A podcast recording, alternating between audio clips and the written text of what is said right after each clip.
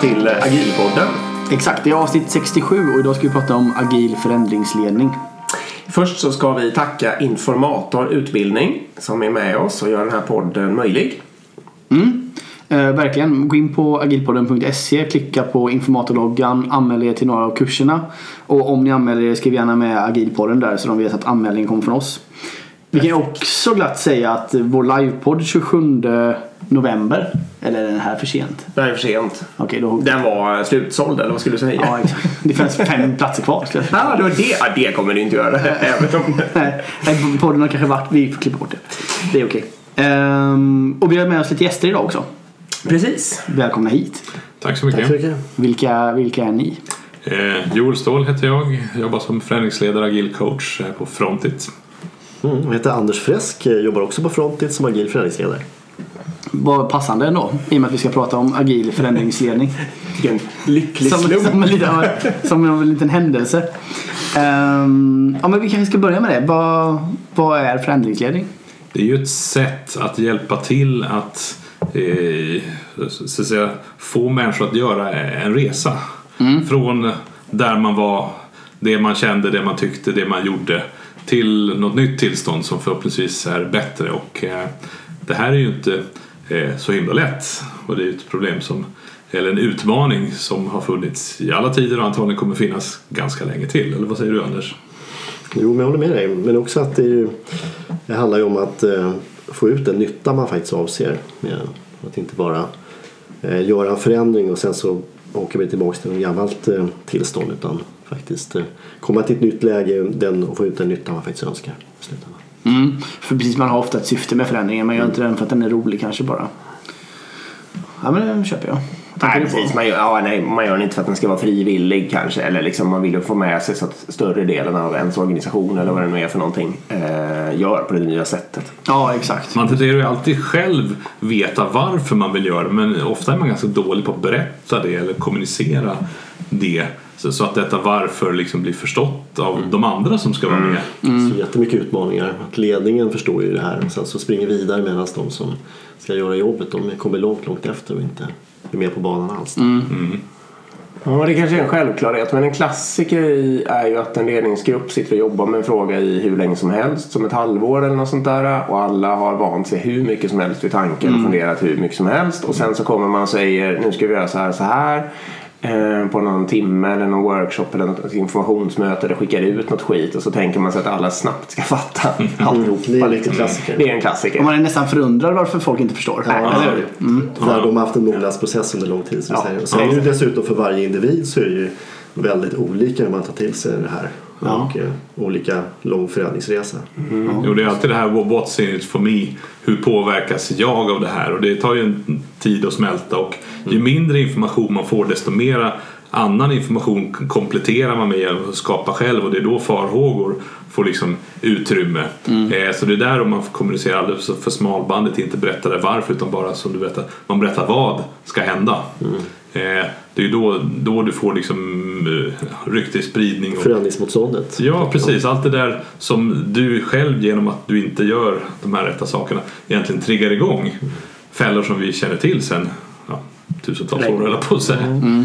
Jag måste bara om nyfikenhet fråga. Hur ställer er ni själva till förändring? Är ni bra på liksom att själva acceptera förändringar? Eller? Ja, ibland så inser man att man måste. Jag håller på att banta exempelvis. Jag lyckades gå ner fem kilo och insåg att nej, jag borde faktiskt gå ner väldigt mycket. Ja. Och det är bra att göra förändringsresor på sig själv också för det är då man går igenom alla de här faserna. Ja. Eh, och liksom känner på alla motstånd och, Mm. och, och allting. Liksom. Så gör det själv på dig själv först. Mm. Och sen kan du göra det gentemot andra, med andra. Men om man ska krispa lite på Eriks eh, fråga så, så att säga. Om, eh, när ni blir utsatta för någonting som man kan uppfatta, alltså när ni blir utsatta för en förändring som inte är självvald och den åtminstone kan uppfattas som negativ. Hur reagerar ni då? Som, eh, som vi alla reagerar. Där är inte liksom förändringsledaren annorlunda. För, för först och främst är man alltid människa. Ja men så är det ju. Men det är ju jag tror det är speciellt när, när det är en krissituation. Alltså, då är man ju mer mottaglig. Är man i någon sorts eh, ganska välbefinnande tillstånd då är, då är man inte så mottaglig, då är man inte så sugen på och då, då trycker man därifrån sig. Så att de tillfällen som jag har jobbat med förändringsledning och det faktiskt varit kris då är det ju, om man ser utifrån ett förändringsledarperspektiv så är det faktiskt kul att jobba med förändringsledning för då är man med ett helt annat Alltså lätt att få Ja, människor att ta till sig förändringen. Jag förstår det. Det, det är också svårt. Jag menar, det är svårt att driva kostnadsbesparingar om man gör eh, x antal miljarder i vinst. Liksom. Ja. Så det måste finnas en pain, liksom, det finnas en smärta. Då, är, då, är, då kan man ju faktiskt driva ett förändringsarbete. Och då får, då får du den här som John Cotton kallar, kallar sense of urgency, att man tycker det är viktigt. Och jag menar, eh, det finns ju uttryck på alla språk det här liksom man ur huset, all man på däck. När vi vet att det, det, det är liksom, nu, nu brinner det. Eh, då, gör vi det här och det, det kopplar lite grann till agilt. För jag menar, det här, ja, brinner det verkligen? Ja, då, då träffas vi i något war room och då, då, då jobbar vi Då måste vi- tillsammans. Prioritera och göra det Precis, och då kan vi tänka oss göra obekväma saker. Eh, Men sen så när det inte längre är den här krisen, då blir vi så bekväma så då sitter vi på varsitt kontor och så pratar vi kanske med, med e-mail eller sånt där. Eh, Så, så vi känner ju till hur man egentligen bör göra när det är kris. Och det, det, eh, men- Men sen så blir vi bekväma igen. Så det måste till lite kris för att det ska vara förändring. Mm, för att det ska kunna liksom ta fart. Annars är det svårt. Vad- Ska vi gå till den där äh, rollen eller vad man ska kalla det för? Eh, Vad är en förändringsledare? Ja, precis. Ni båda sa att ni jobbar med det. Liksom, eller det är Ja. roll. Den är lite lurig den beskrivningen av rollen. Ja. Det är lätt att tro att tar man in en förändringsledare så har man någon som driver den här förändringen. Ja, det verkar skönt. Det är jättebekvämt då, som chef. Men tyvärr är det ju inte riktigt så. Nej, så det, är det, är- det är ju faktiskt chefen eller cheferna, ledningen som måste driva, som måste vara de riktiga förändringsledarna. Den förändringsledaren som man hyr in eller har i organisationen kan ju vara en facilitator, kan metodiken och strukturera upp det här men själva driva och beskriva varför vi ska göra det här. Det måste ju vara någon av ledarna i företaget och organisationen. Och som liksom en ledare som finns i organisationen har du kännedom om personerna, om utmaningarna. Du har ett mandat, du har en relation till de här människorna som du som- som liksom blir, kommer in eh, i luftlandsatt i fallskärm inte egentligen har. Eh, och sen ägarskapet av den här förändringen ska ju sitta med det ledarskap som finns. Och lite grann är det så ofta att man, man, man, eh, man är sin förändring. Och är man inte närvarande då kan ju det här klassiska hända att förändringen rullar tillbaks. Eh, så, så om man då som inhyrd förändringsledare, citat, eh, eh, så att säga, lämnar efter ett tag, vilket man då ska göra om man är konsult exempelvis, eh, och förändringen sitter ganska hårt med den här personen, då är det ju risk att det rullar tillbaka. Sitter, är det däremot cheferna som hela tiden har frontat det här, då sitter det ju fast på ett annat sätt. Den förändring man har gjort. Det är viktigt att ledningen kan beskriva varför vi ska göra det här. Mm. Så att det faktiskt, faktiskt finns en, en tydlig beskrivning om ja, Mm. Det problemet utmaningen. Det är ju lite nu kan jag känna som att vi är ute och fiskar efter att det här är negativa förändringar som, eller saker som uppfattas eh, som negativa av någon slags mindre vetande utförarskara och de hittas på av någon slags ledning. Eh, är, det, är det det ni alltid ser framför er liksom i förändring? För jag menar många förändringar Många riktigt smarta förändringar i min organisation eh, eller kring mig har ju ändå kommit andra vägen. Liksom. Ja, Det beror lite på vad förändringen grundar sig i. Det finns ju Ja, förstås. Förändringsfaktorer. Det kan ju vara liksom miljöaspekter, det kan vara juridiska saker som gör att vi behöver ju förändra oss eller det kan finnas tekniska saker eller ekonomiska Ja. att vi ska förbättra oss på något sätt. Ja. Det finns ju många olika och de här samverkar ju ofta på olika sätt och hänger ihop. Dem. Ja. Men jag tänker att det kanske eh, behovet av av typ förändringsledning kanske inte är så stort om det är en organisk förändring. Alltså att det växer Nej, från nej, organisationen nej. och Ja. teamet själva kommer fram att det här borde vi göra och så Det vidare. var lite det jag var ute och fiskade. Ja, precis. Men däremot när chefer har kommit på en förändring eh, som man måste genomföra av de här anledningarna så kanske det finns ett större behov att okej, vi måste också hitta ett sätt att övertala organisationen om att det här är riktningen och går och det här måste vi göra. Jag menar, det finns ju två, två varianter som du är lite grann inne på. Det, ena är ju en, någon man behöver framdriva som inte hade skett annars. Det andra är liksom indirekt bygga en organisation som är innovativ och själv innoverar och själv förändrar och liksom har den, den förmågan och det, och det drivet. Och det är ju kanske en ännu högre grad av skicklighet hos en förändringsledare att indirekt bygga den här är självförbättrande organisationen. Ja, det är det ju. Mm. Istället för att man ska skära ner eller göra förändringar. Och, Jag tycker nog också kanske att blandcaset finns lite. Då tänker jag lite så här eh, cloudresa kanske i den organisation där jag jobbar. Den hade ju, finns det ju många människor som hade velat göra liksom. Men eh, den, den kanske förändringshanteras centralt och det tas en del centrala beslut och så vidare. Eh, och jag tänker att om den hade blivit ett helt olätt eh, hände, hänt helt olätt då hade det ju blivit 51 olika cloudlösningar och, och väldigt mycket eh, anarki liksom. Eh, och hade den eh, bara varit toppstyrd så hade ja, det hade varit jättesvårt att få den att hända liksom, om man hade jobbat mot folks bättre vetande vad som är smart att göra. Eh, Så den är lite både ochig på något sätt. Mm. Jo, det är klart. Det finns väl fall där mittemellan. ja, men engagemanget är viktigt för att få det att hända. Och få folk som andra människor lyssnar på att prata för det här och i, i kraft av sin kunskap och sina, sin, sin relation till andra. Vara liksom ambassadörer för det. Det, det tenderar att vara ett bra sätt att få liksom en hävstångseffekt som förändringsledare. Att eh, det är inte bara jag som pratar för det här utan det är med, med, med, er som ambassadörer då. Eh, så- som, som också pratar för det här. eh, så, så lyckas jag få, en ännu större drivkraft i förändringen då. Och då måste det naturligtvis vara någonting som makes sense på något sätt. Där, ni då i kraft av er kunskap och er liksom påverkansmöjlighet kan liksom stå genuint och säga det här är verkligen bra därför att. Ofta gör man ju det. Man identifierar ju vissa personer som man vill ska vara ambassadörer i resan. Som kan vara med och driva det här. Som informella ledare eller som har djup kunskap inom det- något visst område. Vad, vad är typiskt en sån här förändring eh, som ni jobbar med? Har ni några exempel liksom på vad det kan handla om? Ja, alltså en rätt eh, vanlig sak nu för tiden är att gå över till att jobba med agila arbetsformer. Ja. Det, det är ju någonting som vi jobbar ganska mycket då, en ganska typisk resa och där ser vi väl också att eh, själva förändringen behöver vara agil, det vill säga att man behöver man inte bara förändra till att jobba med agile, agile med stort A, utan man även gör förändringen till att jobba med agile eh, agil i sig. Jag menar, ag- agilitet behövs ju när när man är i den komplexa eh, domänen, när, man behöver utforska saker och ting. Och, så det, det, saker och ting är väl aldrig så komplexa som när man börjar röra om lite grann i akvariet och alla fiskar simmar åt alla möjliga håll, vilket är när man liksom inför en förändring och då, då behöver du verkligen ha en agil approach till den förändring du driver.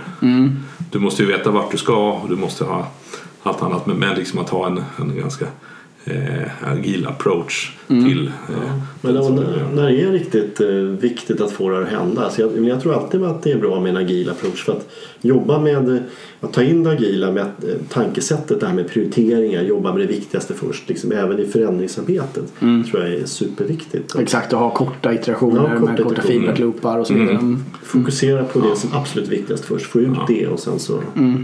Så att det, det, det har vi ju varit inne på är att det, det agila arbetssättet är ju liksom klockrent att jobba ja, Den metodiken att ha med den i förändringsarbetet är ju stor nytta med. För du vet aldrig exakt vad som kommer hända när du ändrar si, ändrar så, sätter ihop det här teamet eller bryter isär i två, två team eller provar ett nytt sätt att jobba och allt möjligt. Det, det är så mycket osäkerhet du ger dig in i så de här feedbacklooparna du nämner är så oerhört värdefulla. Det- Det är utforsk, ett utforskande arbetssätt i sig med förändringsarbetet.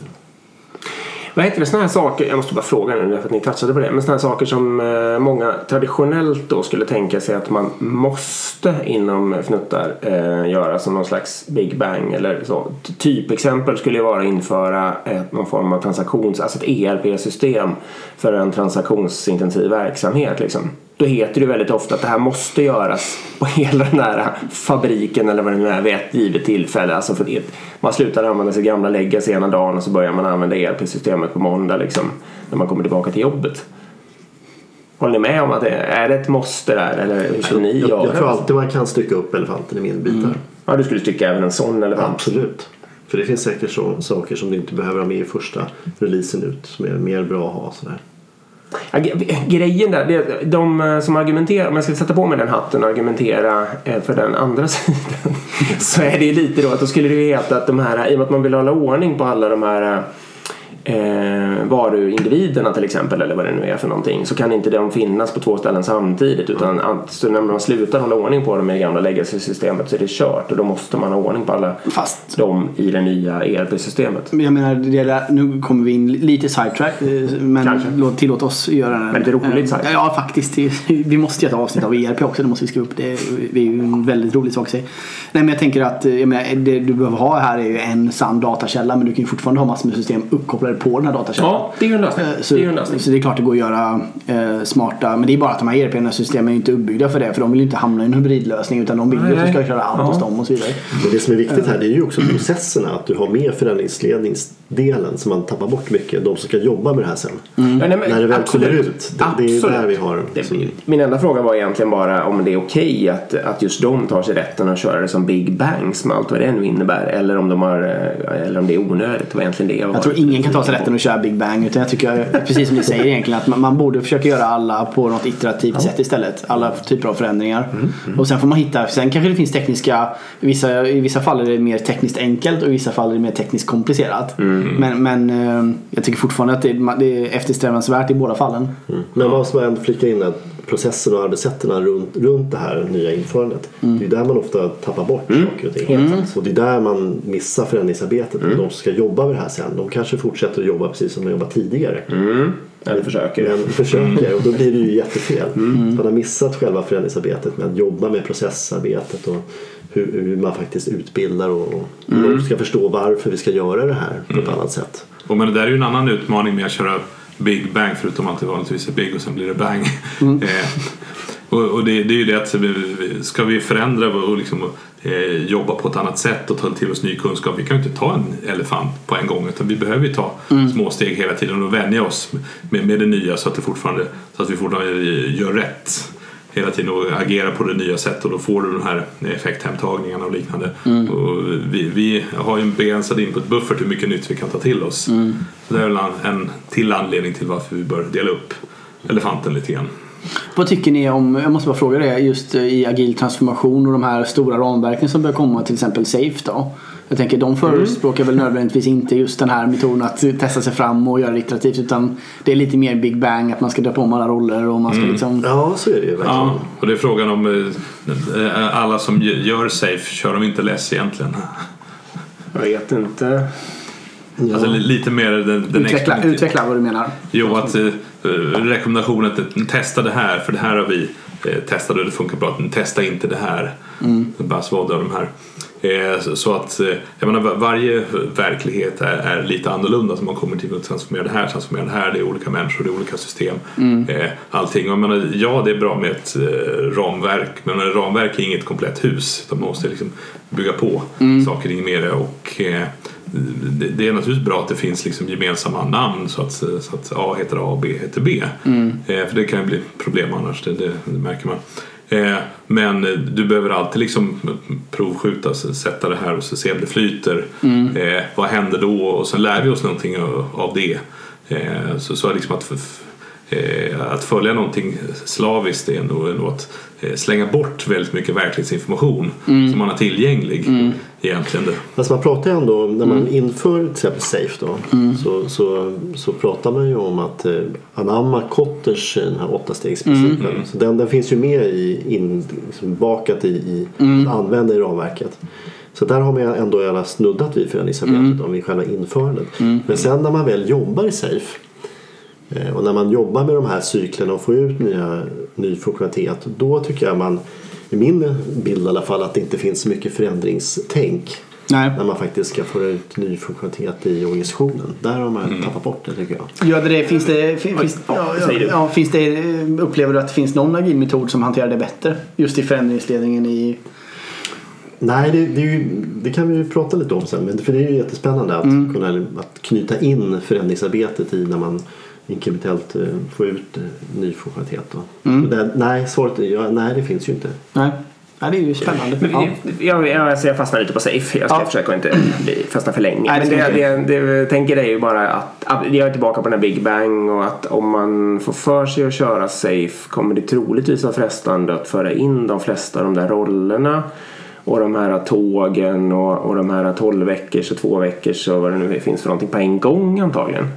Ja, det, Det öppnar ju liksom inte Ja. riktigt Nej. för, för någon form av inkrementellt. Det öppnar ju inte för ett agilt införande. Vad jag kan inse i alla fall. det Då måste man ha på ganska mycket våld på det hela liksom. Eh, Alltså du behöver antagligen göra någon sorts cut över punkt liksom. Nu, Ja. Från här börjar vi. Men Eller du behöver kanske inte göra det på hela organisationen på en gång. Du startar väl med ett tåg. Mm. Och sen när det är uppe och lirar då kör du nästa tåg. Så du kan ju slicea på den. Jo, Du måste ju ha det liksom, teamen som fungerar med agil metodik först och sen så ändå. Så på något sätt så kan man ju ändå bygga upp det successivt. Då. Mm. Så Sen har ju Safe som ramverk eh, ändrat sig också från 4.0 till 4.6 exempelvis. Eh, du har ju fått med eh, väldigt mycket Don Reinertsons Lean Product Development exempelvis. Jag tycker Kotter är ganska nytt i det här också. Så de, har- de har plockat in massa saker i ramverket som har gjort det bättre. Så, det. Absolut.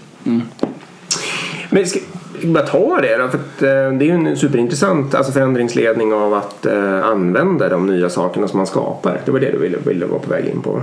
Mm, ja, precis. Att man faktiskt kan eh, parallellt med när man jobbar med att titta på vilka behov man ska realisera, titta på förändringsbehovet kopplat till det. Vad behöver man göra i organisationen när man får ut den här nya funktionaliteten? Behöver man ha utbildningar? Behöver man förändra sitt arbetssätt? Eller? Ja, precis. För, Att man ligger parallellt med förändringsledningsarbetet när man jobbar med, när man jobbar med systemutveckling då, för, Mm. för att få ut det här. Och vad är din uppfattning? Gör man, görs det liksom? Nej, det gör man inte. Generellt inte. Alldeles för lite. Ja. Och vidare då är din uppfattning, för där är det, rätta mig om jag, vad du tycker nu, men jag tänker mig att det finns liksom två grundapproacher där. Att antingen kanske lite är det jag skulle kunna kalla för Google eller Amazon-approachen eller någonting. Att det smygs in jättemycket små förändringar hela tiden och att de är så himla UX-smarta så att människor bara använder dem liksom. Eller det motsatta skulle då just mer vara att göra det som större utrullningsprojekt och grejer med utbildning och är bägge... Är, är det en... Har du med om spaningen till att börja med? Att det Ja, men, ja, men, och det är, ju, det är ju enkelt och det är så. Att, eller det är ju fantastiskt om man kan bygga det så smart så att man förstår hela tiden hur man ska använda grejer. Ibland måste man ju förändra arbetssättet. Ja. Det är en organisation, en verksamhetsprocess som måste skruvas om. Då är det ju inte, det är inte en, en ny feature i en mobiltelefon utan det är lite större saker ändå som, som påverkas. Många olika intressenter som påverkas och man måste Ja, beroenden. men sen man skulle kunna ändra sin, man ändra sin säljprocess till exempel. Ja. Det är ju kanske lite svårare att göra. Ja, Ja, säg inte man, det. Nej, Ja. exakt. Man kan ju också ändra den bit för bit. Liksom. Ja, men absolut. Det är- sådär, så. Och det ligger ju i agila arbetssättet. Ja, att mm. få ut små Precis. saker Mm, och rätta till sig lättare. Sen finns det ju en vits med, med det här med att smyga in saker också. För jag menar, många som har sprungit på Agile har, har ju liksom, eh, alltså, skapat någon sorts liksom, eh, allergi mot det och tycker att det är en massa så här agiltomtar som kommer och eh, säger massa eh, saker med nya ord som är gammalt och eh, konstigt och sånt där. Och där är ju en approach att då smyga genom att ta bort klistermärken på dem. Man gör de här sakerna som du lite grann var inne på förut. Eh, man gör de här sakerna som man, vill- man vill göra i Agile fast man säger inte att det, kommer från Agile utan man bara gör det. För my- mycket är ju liksom common sense som man då har satt namn på. Ibland är det, har det funnits jättelänge.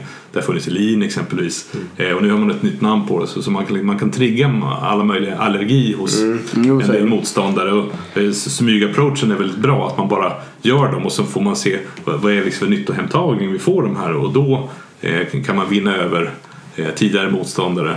Jag tänker att liksom grundprinciperna i agila arbetssättet Ja. de är ganska självklara man väl, om man har ett, ett pressat eh, läge och man ska få ut ny funktionalitet då är det ganska då är det ganska självklart att man behöver prioritera och dela upp saker i mindre delar. Det är ju ganska uppenbart. Då behöver man inte prata om de olika begreppen som man slänger sig med. Det är så lätt.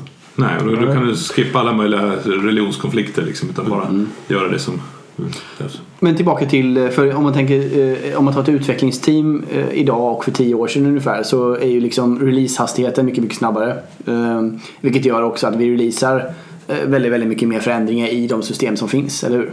Eh, och om man inte då tar de här som kanske är bäst i världen just på att smyga in grejer och testa på få användare för att sen öka på på den, på den sättet eh, utan de som bara releasar ut egentligen. Som de allra flesta företag gör. Eh, hur borde man göra eh, den förändringsledningen Vad borde man? För det ni säger är att man även borde prata med användaren om vad det är som kommer och Mm. förbereda dem på vilken förändring som kommer i systemen och så vidare. Hur, hur, har ni sett bra sätt hur man kan göra det här? Mm, Men det är ju också lite grann, det där kan ju bli en utmaning också. Man kan ju skapa förändringströtthet. Man får, man får ut saker för ofta. Att det, det blir jobbigt för användare att få ta till sig det här.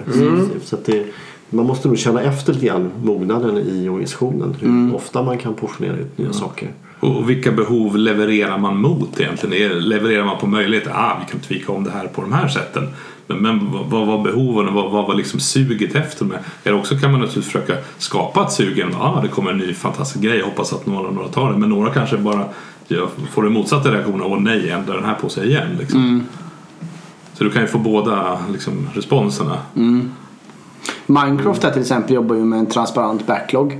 Så det gör att om jag som eh, användare är intresserad av vilka features som kommer så kan jag gå in och kolla i backloggen. Jag har också möjlighet att rösta. Eh, och då ser jag ju, i alla fall om man, eh, man skulle i alla fall kunna hävda att jag kan gå in och kolla vilka nästa 10 features blir.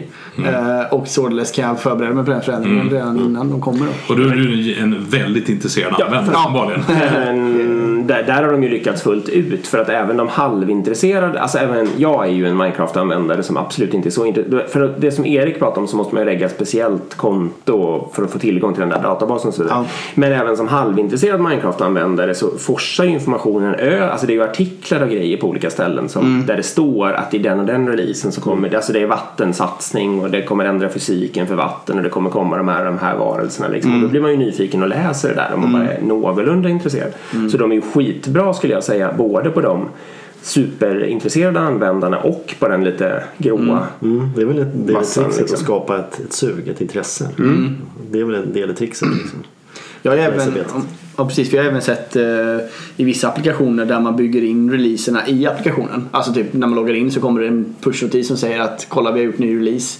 Testa här liksom. Klickar du här och här så händer det här numera. Och här kan du få den här. tillbaka till gamla. Och, Exakt, och man, eller en liten tutorial snabbt eller man kan hoppa över den om man vill. Det kan också vara snyggt. För jag tänker, det klassiska är väl det här release notes. Liksom. Vi skriver ett dokument och så skickar vi med det. Det är ingen som läser det, eller hur? Eh, Ja. Men det är fascinerande hur snabbt det går just nu. Jag programmerar på en flygnavigationsprogramvara som heter Sky Demon.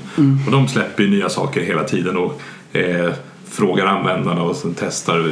Eh, funkar den här, eh, den här illustrationen av eh, en, en rutt, funkar den bättre? Och nu släpper vi den här informationen kring vilka flygväder eh, så- som finns exempelvis. För funkar det bättre och sånt där? Så de, de är verkligen på. Det, det är ju en prenumerationstjänst då liksom. Så det, så det är inte så att du laddar ner en programvara och så har du den. Utan det, de har verkligen antagit den här nya moderna sättet att jobba. De- De har en väldigt aktiv community av folk som bryr sig och kommenterar och eh, verkligen flyger och navigerar efter det där och har synpunkter på det.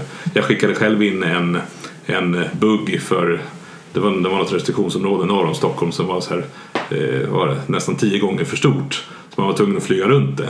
Eh, men så visade det sig i verkligheten nej det var, det var jättelitet. Och, eh, det svarade de på en gång att ah, vi vet att det här, det här blir fel och det kommer i nästa release som har varit ett antal dagar. Liksom. Så det var verkligen snabbt och bra hanterat. Precis, men det, lärdomen härifrån kanske blir att eh, man kan ju använda olika sätt men, men det är framförallt att man ska vara medveten om att de förändringar man gör systemmässigt också påverkar någon människa mest troligen i dess arbetsflöde också. Absolut. Och att man måste hitta något sätt att förmedla Ja, och involvera dem i, i den förändringen också. Precis, och monitorera det och titta på vilka, de här förändringarna vi puttar ut nu, hur kommer det påverka? Att man liksom har det tänket tidigt så att man kanske kan göra insatser för att det ska tas emot väl och man ska få ut den nytta man faktiskt önskar. Och att det är mätbart också. Att det är ju- med, ja, ja. det, det håller med. Så Det är att man kan ha någon som har det fokuset och det, det tycker jag saknas i agila metodiken överhuvudtaget.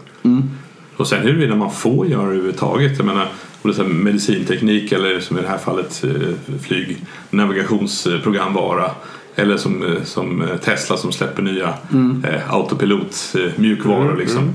Eh, Men alltså Volvo har förstått det rätt har en annan approach. Vi, vi tittar på vad som är legalt och sen, sen gör vi det och så testar vi medan Tesla mera skickar ut nya grejer så får vi se vad som händer. Mm. Vi kan ju bli bestämda men Nej, det är, ungefär, det är nog i alla fall en, de drar nog aningen mer åt det hållet om man skulle uttrycka sig så. Eller? Mm, ja men verkligen. Definitivt. Och de har väl också, de gör det ju definitivt alltså starkt på eh, vad heter det, infotainment-delarna och sånt där. Då kommer det ju verkligen uppdateringar precis hela tiden. Ja, intressant. Ja, men jag är nog lite... Eh, ah, jag, ja, jag kanske bara upprepar samma sak men jag tänker på det där med Google versus Microsoft. Att det är lite eh, kanske att man får smyg, utsmugna grejer som man kan välja själv när man vill börja. Ja, men om jag tittar tillbaka på min egen förändringsanvändning där för länge sedan så började, skaffade jag väl en Gmail-adress för att mejla liksom. Och så plötsligt så fanns det en kalender. Ja, den kanske man kan använda. Så titta på den någon gång och sen så gick det flera månader till liksom och så vidare. Och idag är ju det min, min alltså jag använder ju det som min privata kalender. Liksom. Precis, men jag menar så som de jobbar till exempel är ju att eh, de, de, de gör ju en förändring. De analyserar ju liksom datan på hur folk använder sina saker. Och sen utifrån det ser mönster som de sen kan förutspå att okej, mest troligen kommer det här bli populärt.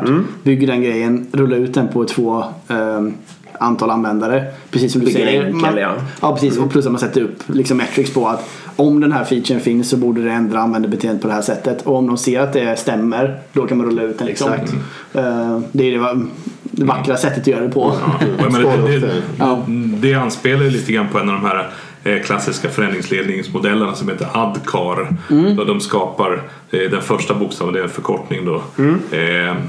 ADCAR Mm, vi tar den står för eh, awareness, det vill säga de skapar en medvetenhet. Du, du ser att kalendern finns. Mm. Eh, har du awareness kan du sen gå vidare till D som är desire, det vill säga jag vill ha den här så du provar att använda den. Eh, sen så eh, när du väl vill det då kan du skaffa dig kunskap, det vill säga K-knowledge. Eh, och efter K som är knowledge, när du provat ett antal så har du även ability, det vill säga faktisk förmåga, demonstrerad förmåga. Eh, och eh, för att du sen ska fortsätta att använda så behövs det den sista bokstaven R som är reinforcement. Så eh, ADCAR, Vad betyder reinforcement bara? eh, det, det är förstärkning, positiv förstärkning. Då. Så att du ska falla tillbaka till tidigare beteende. Ja, okej. Mm. Så, så det, det här är en enkel modell och ja den är linjär men det är väl ingen som tror att alla bara rusar igenom den linjärt utan det, det är snarare ett antal stationer man besöker ofta på vägen. Sen blir det lite icke-linjärt och man kan gå tillbaks om det är så att man exempelvis har mm, gått via awareness, eh, the desire knowledge men sen inte lyckas med sin ability, det här var för svårt och då kan man rassla tillbaks och kanske ens ens desire minskar om man inser nej jag, jag är inget bra på det här, jag cyklar omkull på tvåhjuling hela tiden. Då minskar min, min, eh, min önskan, min desire då att cykla tvåhjuling kanske.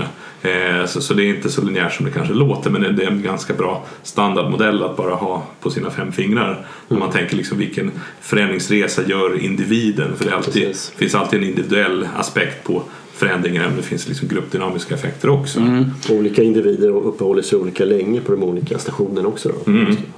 Precis, men det där är en modell för att förstå individens förändringsresa. Mm, Eh, men kan man även använda den om vi ska göra en förändring nu här, jag är chef och ska Mm. göra en förändring i mitt företag. Kan jag använda den modellen att göra min förändring igenom då? Ja, Absolut. det bör du säkert göra. För jag menar, antagligen vill du att folk ska gå någon sorts utbildning i någon form. Det vill säga skaffa sig knowledge. Men är, är de inte medvetna om att det här ska göras och har de inte förstått varför det här är nödvändigt, de har inte desire, då kanske de inte ens dyker upp Nej. på utbildningen. Så det blir inget Exakt. K i knowledge. För det första, det vanligaste felet är att man skickar iväg alla på utbildningen och sen tror man att Nej, men nu kör vi, nu är det klart. Men man missat de här två första stegen. Man inte vill kliva i båten och vara med. Utan Man försöker skapa knowledge utan att det finns awareness Exakt. och desire. man förstår inte varför och man är inte sugen på att vara med överhuvudtaget. Då, då blir det inte så Jag mycket. kan tänka agil transformation är ganska vanligt. Eh, Jag menar åter till Safe eller man kan ta någon annan också. Just att okej, vi ska alla våra projektledare ska bli Scrum Masters. Eller något sånt där. Eller, Får en negativ desire, men min, min roll försvinner. Ja, exakt. Eh, och då, då, då får du liksom ett lager folk som mo, kanske motarbetar ja. det här då, så då har du verkligen kämpigt. Så istället så borde man då jobba med awareness. Och pr- prata om varför man vill göra det här eller? Ja, Ja, och det, desire det finns väl en an- anledning att vi ska öka produktiviteten och vi ska få bättre kvalitet mm. och slutändan. Och då behöver vi göra den här förändringen. Och naturligtvis är What's in it for me som alltid liksom är högst relevant. Och det, jag menar, det, eh, behovet av den erfarenheten som finns som projektledare, det, det försvinner ju inte. Själva rollen kanske försvinner men all din erfarenhet som ledare och all din, din tekniska kunskap, kunskap som systemet och liknande, eh, den behövs ju fortfarande för att du kanske behöver applicera den i en annan roll. Eh, så, men, men det är lätt, skickar man för lite information berättar man inte varför. Så då fyller man i med resten och då, då är det svartmålning som ofta gäller. Ja. Och då blir man så här, sätter alla hälarna i backen. Men det är en utmaning just eh, agil transformation med projektledarrollen. i Mm. Liksom projektkontoren och Ja, eller hur? Det, det, är svårt. Ja. En, en, en svår nöt att knäcka. faktiskt. Ja, för de ofta så, jag har ju själv jobbat på ett projektledningskontor som projektledare. Mm. Tror det eller ej. Ehm, eh, och jag menar, då har man ju ofta eh, en, en metod som man använder. Eh, och man har sin profession liksom. Mm. Ehm, och det är klart att det här blir ju då, i alla fall på knowledge-nivå så blir det här ju ett hot. För helt plötsligt så kommer en modell, Scrum då till exempel, som inte innehåller den här rollen. Utan det kanske är uppdelat mer mellan Scrum Master och produktägare och teamet liksom. Man har tagit och splittat ner ansvarsområdena på massor med nya. Och så kanske man inte själv hittar sin, vad ska jag finnas i, i den här leken liksom. Mm. Det är som mellanchefer som har haft en vana att kunna detaljstyra och så. Ja. Det flyttas ansvaret ner till teamen istället. Ja, precis. Fan, jag, är, me- jag har varit mellanchef också. Ja, nu, nu är du influencer på en podd också. ja, exakt. jag träffar rakt in i den här. eh, Jag byter, så fort, så fort jag blir av med min detaljstyrningsförmåga så byter jag liksom. Jag var projektledare, blev av med den och blev mellanchef och nu blir jag av med den. Så, ja.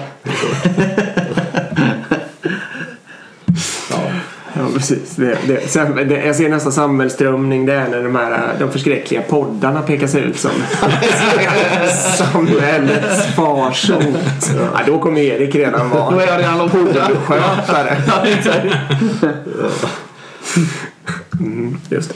Precis, eh, så det är Adcar då. Precis. Var, var kommer den ifrån? Vet ni det? Var, Det är en organisation som heter ProSci som den kommer ifrån Okej. från början. Då. Fick igång den. Som gör mycket forskning inom förädlingsledning. Okej. Ja, den den har jag faktiskt har, har du hört den innan Dick? Alltså jag känner igen förkortningen men jag hade absolut inte kunnat säga var det kom Nej. ifrån. Liksom. Ja, jag jag Men- hörde även, ja, precis jag var på någon, eh, lyssnade på någon, jag kommer inte ihåg vem nu, eh, som pratade om att de hade använt det här och Safe i, ihop liksom för att göra en agil Ja. transformation. Ja, det är väl jättebra. Ja, eh, Jag menar, det, Safe upplever jag inte, i alla fall i sina tidigare varianter, innehållit så mycket förändringar. Nu har det kommit de här Kotter-grejerna som kommit sen var 4.6 eller när, det nu kom. Men, men man har liksom fått lite mer kontext kring transformationsbiten tycker jag, snarare än hur ska det funka när det är på plats. ja, precis. Ja men det är okej, det är bra. Så det är ett bra komplement. det är ju en jätteförädlingsresa att införa Safe. Det, slår ju, det är ju ingen liten grej på IT utan det slår ju hela organisationen. Ja det gör det ju verkligen och det Om man ska få nytta av det så måste det ju upp på högsta nivå. Ja.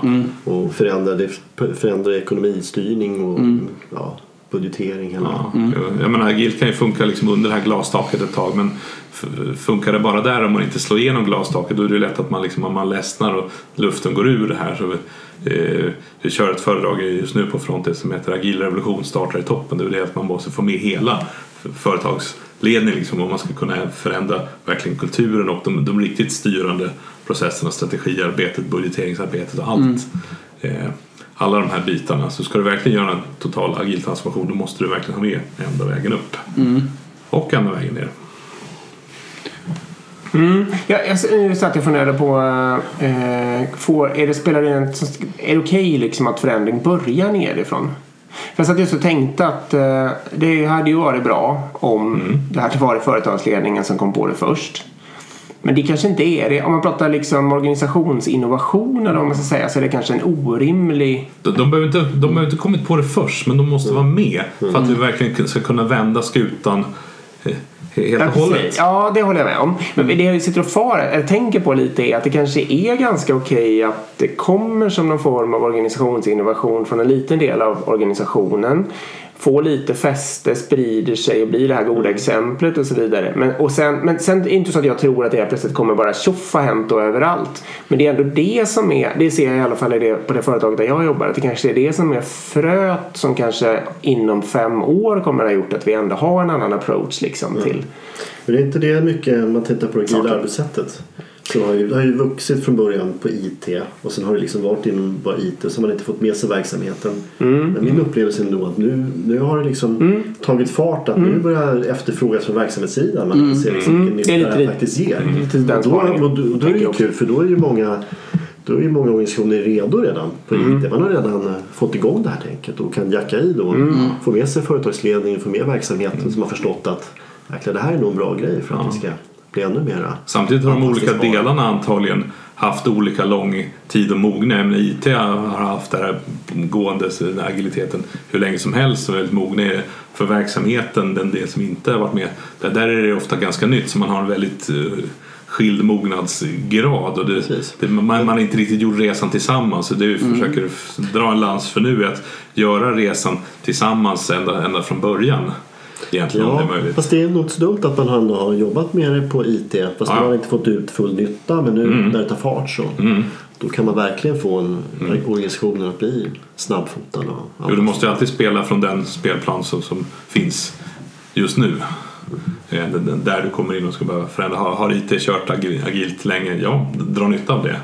Eh, Men det är också, också en risk att de andra har varit efter och känner att det här är inte riktigt vår resa. Det här kommer pådyvlat oss. Eh, Till skillnad från om man liksom eh, kommer in i ett eh, företag där man börjar den agila resan tillsammans. För då blir det ju vår resa tillsammans. Mm, och då jo, blir det. Så blir det ju.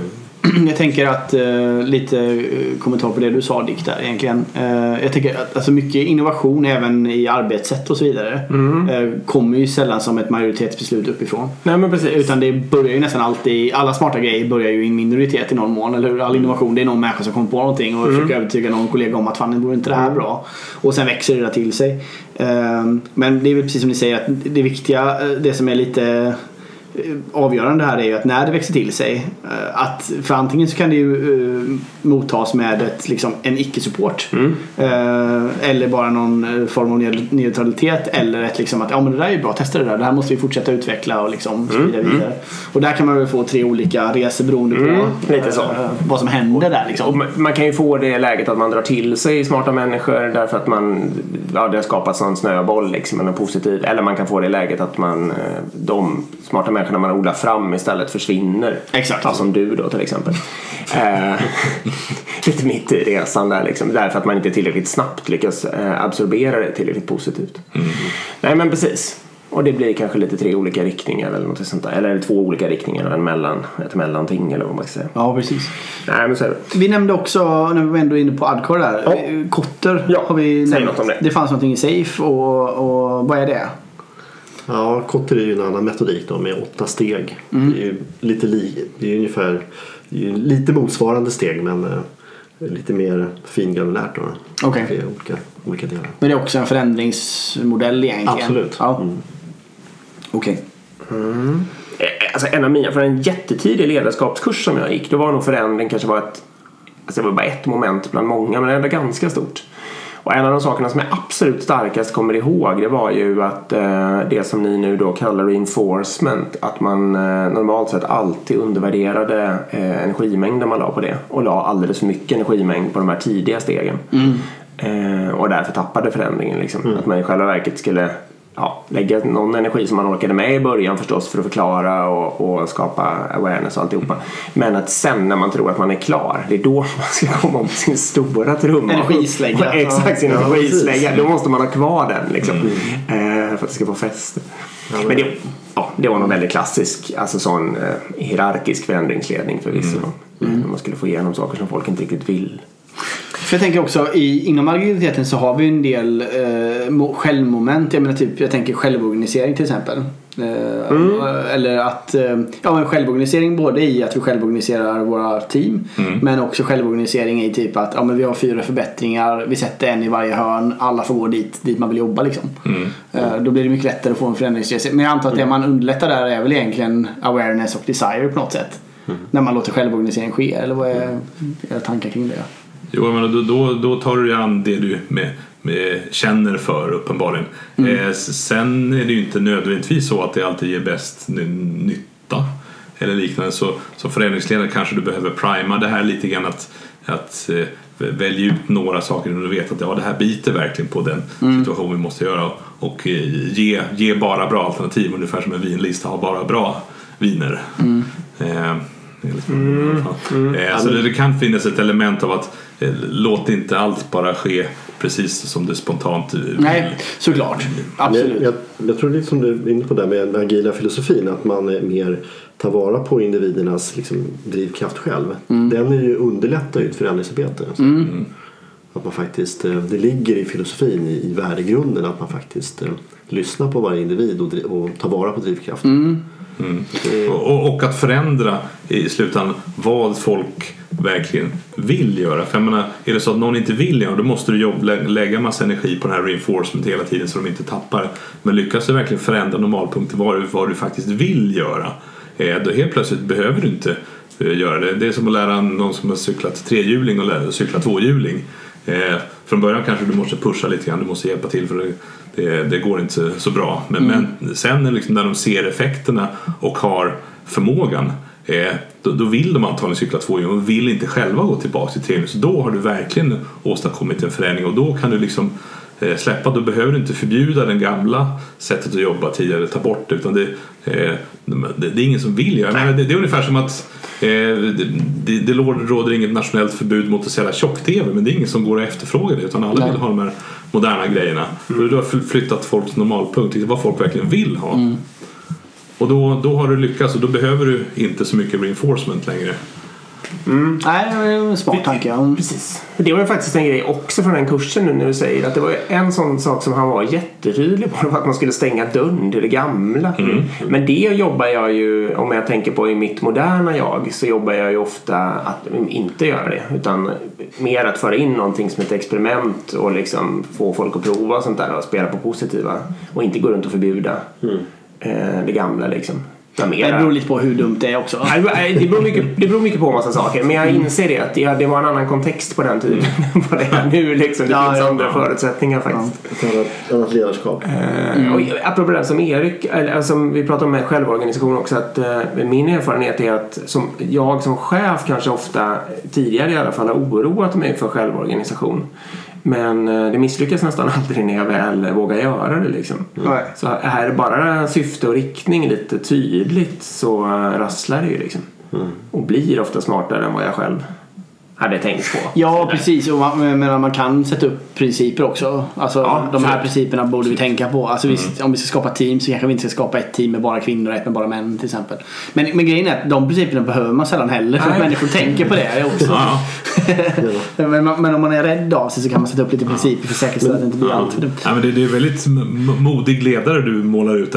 Den som verkligen vågar säga att jag kommer inte på den bästa lösningen utan liksom släpper loss all den hjärnkraft som finns hos de här personerna. Om de sen får prova och eh, använda kraften i den feedback som kommer av att man faktiskt satt någonting i sjön. Eh, d- då har du verkligen någonting. Och då, då, då är du verkligen en engagemang och underlättar ju förändringen oerhört mycket. Exakt, och jag tänker också, jag menar, det, eh, det absolut vanligaste jag hör vid förändring, det, men det är ju liksom att om man inte själv eh, är committad eller har kommit på idén så kom, var, varför ska vi göra det här? Man, man förstår liksom inte varför. Alltså någon kan ju förklara för varför men om inte jag själv tror på det.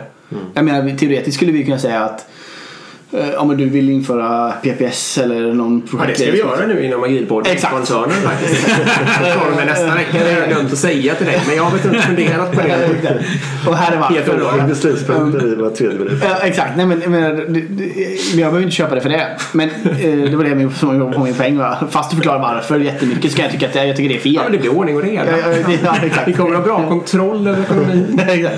Eh, men det jag, menar, det jag menar är att om man själv har gjort förändringen, alltså om vi själv istället eh, ska självorganisera oss. eh, Det finns ingen att skylla på. Det är det jag kommer lite på. Det finns inte ett, en chef Nej, kan säga. ansvar. Nej, exakt. Utan det landar på de som gör det istället. Och där har du den stora effekten att om man märker att oj, det blev fel med de här teamen. Uh, Okej, då första uh, instansen man går till då, om man själv har varit med och gjort den, är ju att okej, då måste vi antagligen göra om det här. Istället, eh, eh, om det är chefen som har kommit och pekat, då är det liksom första instansen är chefen är dum. Exakt. Och det här är väl varför också många, eh, alltså om man ska vara lite hård då, eh, varför många också kanske tar in förändringsledning. För det är en jävla safe, det är ett safe bet tänker jag att ta in en konsult. För om det inte går så kan man alltid skylla på konsulten. Eller McKinsey när det kommer till strategi liksom. Om vi tar in ett, ett externt bolag som hjälper oss. Det är såklart bra för man får in massor med information och sånt. Går det bra så kan vi ta lite äran för det och det går jättebra. Går det dåligt så kan vi liksom Ja, sant. skylla på, på chefen eller konsulten eller vad det nu är. Jag var sugen på att prata lite om det här. Jag, touchade, jag, sa, jag flaggade för det förut. Jag kommer fråga om det här med individen versus systemet. Eh, för jag känner att ni tänker väldigt mycket på att eh, vända om individerna när ni är förändringsledare. För jag känner nog att i den kontexten där jag själv verkar så är det ofta det är påfallande ofta systemet jag jobbar mot på något sätt. Och inte kanske så mycket för individernas förändringsobenägenhet. Exempel? Jag försöker komma på de här exemplen, men då menar jag liksom de här strukturerna. Det är klart att de är byggda av individer. Ofta är det kanske människor som sitter en bit längre bort runt omkring och sånt där då. Men att man har byggt eh, strukturer med, alltså kring administration, attestflöden. Budgetprocesser. Eh, budgetprocesser, men det kan också vara, alltså det kan vara från mindre saker så att om man vill handla en eh, en grej av något slag. Liksom. En stor platt-tv eller något sånt där. Och ingen någonsin har gjort det förut. Så tar det emot något så in i bängen att göra det. Trots att den är jättebillig jämfört med mycket annat som kostnader i organisationen till exempel. Eller ett pingisbord eller något sånt där. Ehm, för att det, liksom, det sticker i ögonen och det är emot det som folk är vana vid ska hända på något sätt. Så jag känner nästan ofta att nu när jag jobbar med förändring i mitt nuvarande jobb så jobbar jag nästan mer med att försöka antingen freda min egen organisation från strukturen eller att hålla på och eh, liksom eh, försöka mjuka upp den och smörja den och få den att liksom bli mer förändringsbenägen. Eller liksom tillåta förändring. Mm. Nej, men det, nej, nej. Har inte Vem, vem, vem har liksom ägarskap på de här strukturerna? Det måste man ju fråga sig. För de, de, de finns ju inte om ingen äger dem om, om ingen eh, upprätthåller dess integritet. Jag menar, vad, vad är det som säger att du inte bara kan bryta mot dem? Men Vem kommer då och... Eh, ofta, eh, de, de som har ett tydligt ägarskap om, där man som liksom kan kvittera ut ett skäll eller vad man ska säga då är det mycket lättare ofta att ta striden för då kan jag bara säga att eh, det här tycker inte jag stämmer. Liksom. Men jag menar mer de här lite obehagliga som har byggts upp av en lång organisationskultur. Ja, men du nämnde ju eh, projektkontor liksom, och sådana där saker. De, det är klart att de i någon bemärkelse har någon slags mandat och sådär. Men det är också väldigt mycket att det kretsar kring en extrem form av vana eh, som väldigt många människor liksom känner igen sig i och sådana där saker. Så det är liksom väldigt mycket en struktur och en norm på det sättet. det Så att när projektledaren kommer med en projektdefinition till styrgruppsmöte liksom, så att även om alla kanske hade klarat mitt quiz om hur bra den här är liksom, i en helt annan miljö så känns det ändå bra för dem när de sitter där runt konferensrumsbordet. Ja men den här kan vi ju godkänna liksom, för här ser vi ju tydligt vad det kostar. Det och hur ska med. ta sig där. Ja precis. Eh, De, den sortens Men jag tror, struktur. för med, det, det Jobbar jag mycket med. Ja, Ja, men det förstår jag. Men, men du jobbar ju också i en agil transformation. Eh, som en av kanske, alltså en agil jihadist liksom. Eller, eller terrorist kanske, jag vet inte. Eh, nej men, men du jobbar ju som en förändringsledare i den agila transformationen och då blir det ju mycket systemutmaningar tänker jag. Eh, alltså för du, du, du kan ju försöka eh, alltså få med din egen organisation eller över till dina ch- chefskollegor eller ch- chefer ovanför och så vidare.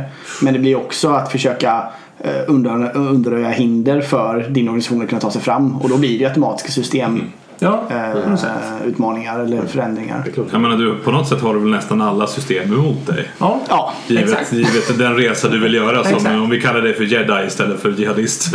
Eh, så, så ja, du har ett antal grejer uppenbarligen emot dig. ja. Men frågan vem- står, vem står bakom de här sakerna? Och jag menar lite grann som vi var inne på. Ja, det, det finns en invand eh, liksom be- bekvämlighet och ett igenkännande i har de gamla eh, strukturerna. Eh, och det, det är ju en av de här utmaningarna i förändringsledning. Att liksom inte bara programmera upp något nytt utan avprogrammera det gamla. Ju, ju mer ingrott det är eh, desto svårare är det ju. Så du måste ju göra två förändringsresor. En bort från det gamla, en till det nya. Så det är svårt att en del av organisationen bryter sig ur det här systemet och gör någonting annat.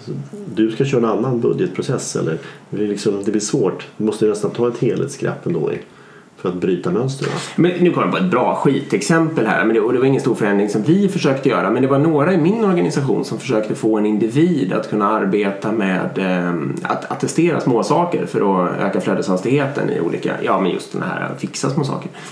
Eh, och då kommer det tillbaka från de här som hanterar attesträtten att nej det är bara chefer och assistenter som kan, eh, kan få den rätten för så brukar vi göra. Och då finns det liksom ingen, jaha okej, vem, och då kommer det, vem äger den frågan? ja, det är klart att det finns ju en chef för de här finans, eh, alltså för, den organisationen. Det är ju min kollega då i, i ITs ledningsgrupp. Ska jag då gå till honom?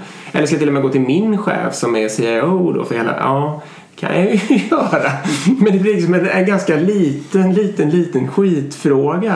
Eh, det, Men det är ganska symptomatiskt. Stanna då liksom. Då stannar hela den... eh, Eller det, nu vi, klart vi försöker igen på ett nytt sätt. Men, men det är sånt jag menar liksom. Det var ett ganska bra exempel. Men då får, måste de du jobba med... systemet sitt, sitt, sitt mandat och i, i det här. Det är ju- det ju- Där kom det ju åt den här rädslan. direkt. Nej, inte ens alltså.